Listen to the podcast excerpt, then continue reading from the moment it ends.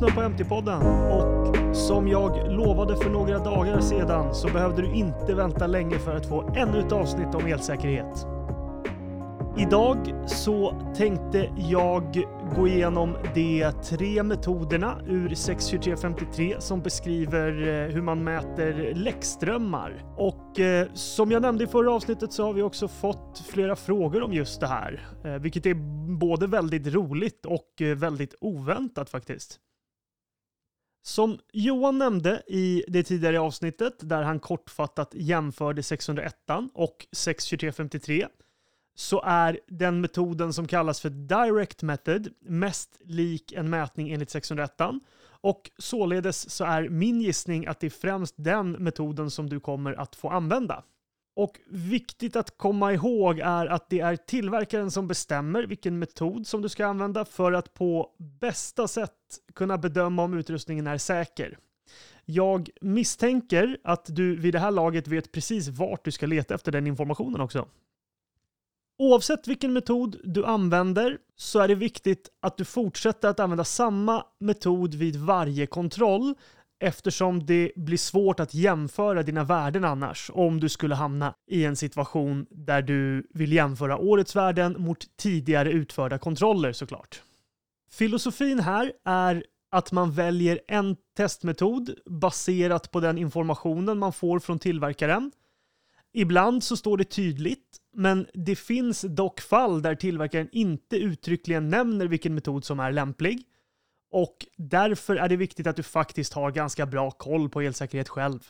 I alla fall, eh, en metod väljs innan man utför sitt acceptance test vid ankomstkontrollen och sen görs kommande tester på samma sätt med samma metod vid varje planerad kontroll för att få jämförbara värden.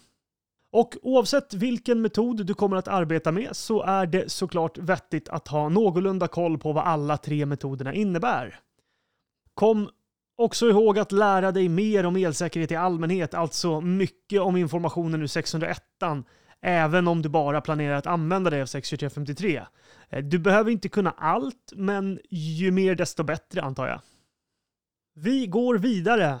Som jag sa så finns det tre metoder dessa metoder är endast för att mäta apparatens läckströmmar och därför görs även andra mätningar utöver en av de här tre metoderna då. Till exempel så görs jordresistans, isolation och självklart så görs din visuella kontroll oavsett vilken metod du mäter läckströmmarna med. Om ni har lyssnat på det avsnittet som publicerades häromdagen så vet ni att vid en mätning av skyddsjordsresistans så godkänner 62353 ett resultat under 0,3 ohm, vilket alltså är snäppet högre än vad 601 anser som godkänt. Här mäter vi med en ström på minst 200 mA. Högre ström är dock fortfarande tillåtet. Om du ska jämföra värden för skyddsjordsresistansen med ett resultat från tidigare kontroller så är det viktigt att du har testat utrustningen med samma strömstyrka. Värt att påpeka är att detta värde är acceptabelt om man räknar in att utrustningen åldras. Alltså hävdar inte ens 62353 att över 0,2 ohm är acceptabelt för en ny utrustning. Vid mätningen av skyddsjordsresistans har vi även en skillnad när det gäller produkter sammansatta till ett system. Här är gränsvärdet ännu högre. Enligt 62353 får vi då ha max 0,5 ohm. Eftersom jag har haft svårt att förstå filosofin bakom mer än dubbla gränsvärdet Eh, från 601 så försöker jag alltid att få ner resistansen under 0,2 ohm ändå. Och eftersom detta nästan alltid är möjligt så fortsätter jag köra på den principen. Det får i alla fall mig att sova bättre på nätterna om jag får till alla värden mer eller mindre perfekt. Om någon känner att de har koll på hur tankegången har gått när man kommer fram till 0,5 ohm som gränsvärde så får ni jättegärna höra av er till mig. Ett litet tillägg som jag inte har nämnt i tidigare avsnitt, men som kommer att vara relevant för en av de metoderna strax, är något som kallas för secondary earth, vilket är att det skapas en väg med låg resistans där strömmar kan rymma och på så sätt missas vid ett elsäkerhetstest. Detta skulle kunna vara exempelvis en nätverkskabel eller en ledning för vatten till ett instrument. Det skulle kunna fungera så här i praktiken. Tänk dig att du elsäkerhetstestar ett ultraljud som är kopplat till en nätverksport. Genom nätverkskabeln rymmer då tillräckligt med läckströmmar för att utrustningen ska bli godkänd enligt testet. Eh, vad kan då hända när vårdpersonalen kopplar ur nätverkskabeln och rullar iväg ultraljudet för att undersöka en patient? Som du säkert förstår så är det enkelt att bli lurad och få falska godkända resultat i så fall. Då var det dags att gå vidare med den utlovade informationen om metoderna. Och det du får välja mellan när du testar enligt 62353 är Direct Method, Alternative Method och Differential Method. Som jag sa så gäller dessa enbart för läckströmmar. Och det finns mycket mer information i standarden, men om jag tar upp allt här så kommer du sannolikt att somna, vilket eh, i och för sig gör det till den perfekta kvällsläsningen för dig.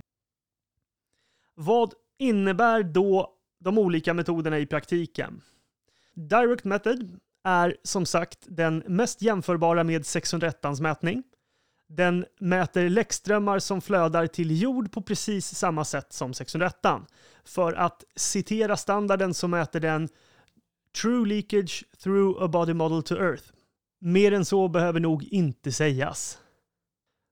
Alternative method beskrivs i standarden med orden god reproducerbarhet och det förklaras genom användning av galvanisk isolation.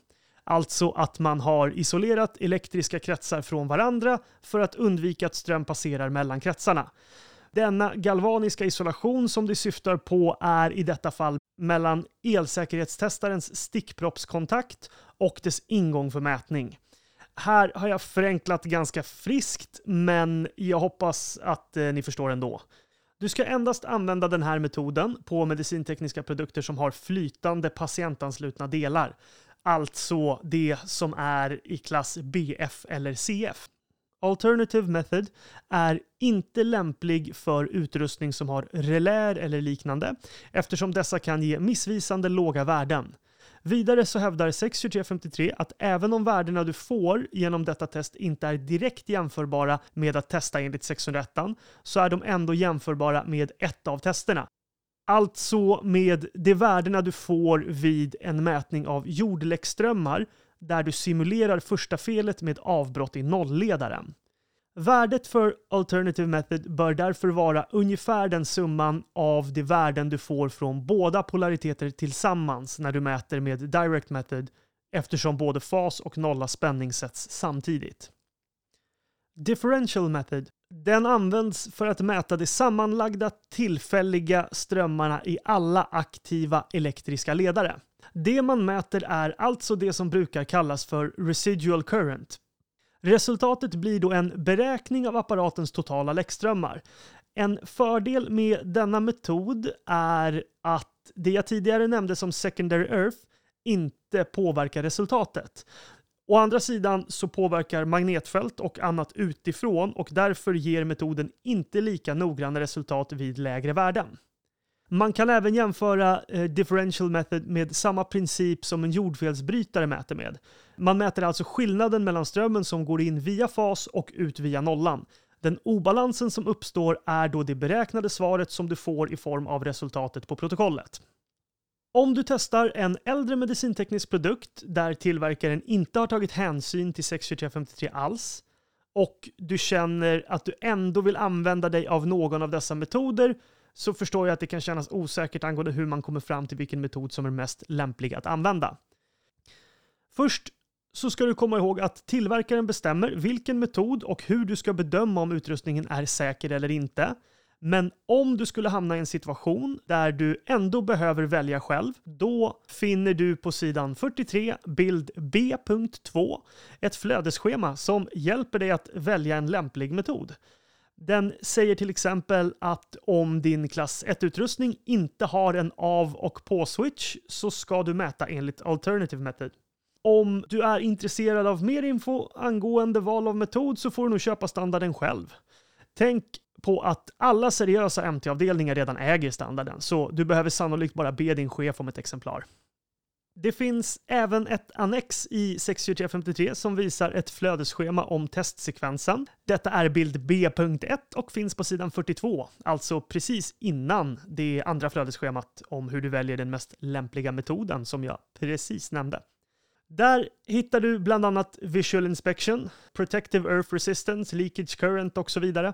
En intressant sak att ta upp är det näst sista steget i schemat och det är steget Evaluation. Jag har egentligen inget konkret belägg för det jag kommer att säga nu, men jag misstänker att det fortfarande finns medicintekniker som inte granskar värden i protokollet efter utfört elsäkerhetstest. Och med det vill jag ännu en gång understryka vikten av att faktiskt kontrollera värdena och bedöma om de är rimliga eller inte. Rent krast så kan det ju faktiskt koppla resistansmätning direkt på elsäkerhetstestarens jordpunkt och få 0 ohm. Men hur rimligt är det värdet om du räknar in sladd, kontakter och alla kopplingar i apparaten? Om vi går vidare och kikar under informationen som finns angående valuation i 64353 så finns även här krav på att utvärderingen av resultatet ska göras av electrically skilled persons 62353 nämner även på flera ställen att du som gör testerna ska vara kompetent och utbildad inom allt relevant för det test som du utför. Peka gärna på de här punkterna om din chef inte vill skicka dig på utbildning. Hänvisa också gärna till 2021 52 som också ställer krav på kompetens hos personalen som hanterar medicintekniska produkter. Kompetensutveckling för duktiga och drivna medarbetare är alltid värt pengarna. När jag ändå pratar om utvärdering av resultat så kan jag smidigt gå över och avsluta avsnittet med lite information om vad 62353 kräver i form av dokumentation. Under 6.1 så står det krav för vad som ska stå i protokollet och på så sätt eh, dokumenteras då efter. Som minst så ska du alltså dokumentera följande. Identifikation för företag och avdelning som utfört själva testet. Namn på personen som utfört testet och personen som granskat resultatet. Identifiering för den testutrustning som använts, även tillbehör till den och serienummer eller inventarienummer går bra här. Alla test och mätvärden som är utförda och uppmätta godkänt eller icke godkänt resultat för exempelvis den visuella inspektionen och vilken metod som används. Och även datum när testet är utfört. Man ska också märka upp den testade utrustningen med en FU-lapp om det är möjligt. För er som lyssnade lite mer noggrant så hörde ni att jag nämnde att man ska dokumentera namn på personen som utfört testet och på personen som granskat resultatet. Detta behöver enligt 62353 inte nödvändigtvis vara samma person, men i praktiken så brukar det ju vara du som utför testet som också gör tolkningarna av resultaten. Men här krävs ju högre kompetens för att kunna förstå och tolka vilka värden som faktiskt är rimliga och riktiga. Då har vi tyvärr kommit till slutet av avsnittet och om ni känner att ni behöver ännu mer kompetensutveckling så tveka inte att höra av er så kopplar jag ihop er med eh, någon vettig utbildare beroende på vad ni vill lära er. Följ oss gärna på LinkedIn och mejla gärna synpunkter och frågor till nyfiken mtpodden.se. MT-podden görs som vanligt i samarbete med Lars Karlsson och Svensk Medicinteknisk Förening. Tack och hej!